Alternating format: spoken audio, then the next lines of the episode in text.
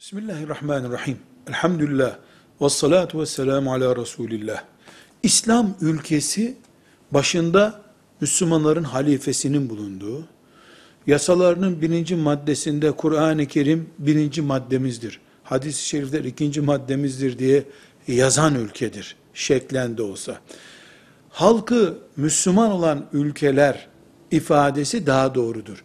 Ya da ezan okunabilen, İslam'ın büyük bölümünün yaşanabildiği ülkeler demek çok daha doğrudur. Türkiye gibi benze ve ben Türkiye'nin benzeri ülkelerde burası İslam ülkesidir hukuk açısından demek suçtur bir defa.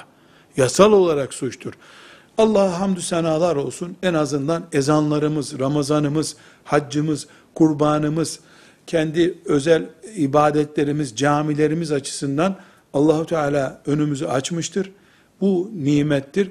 İslam ülkesi hala hedefimizdir, arzumuzdur ama şu andaki konumumuzu İslam ülkesi dediğimiz zaman Hazreti Ömer radıyallahu anh'ın Medine'deki ülkeyle eş hale getirmiş oluruz ki bu makul değildir.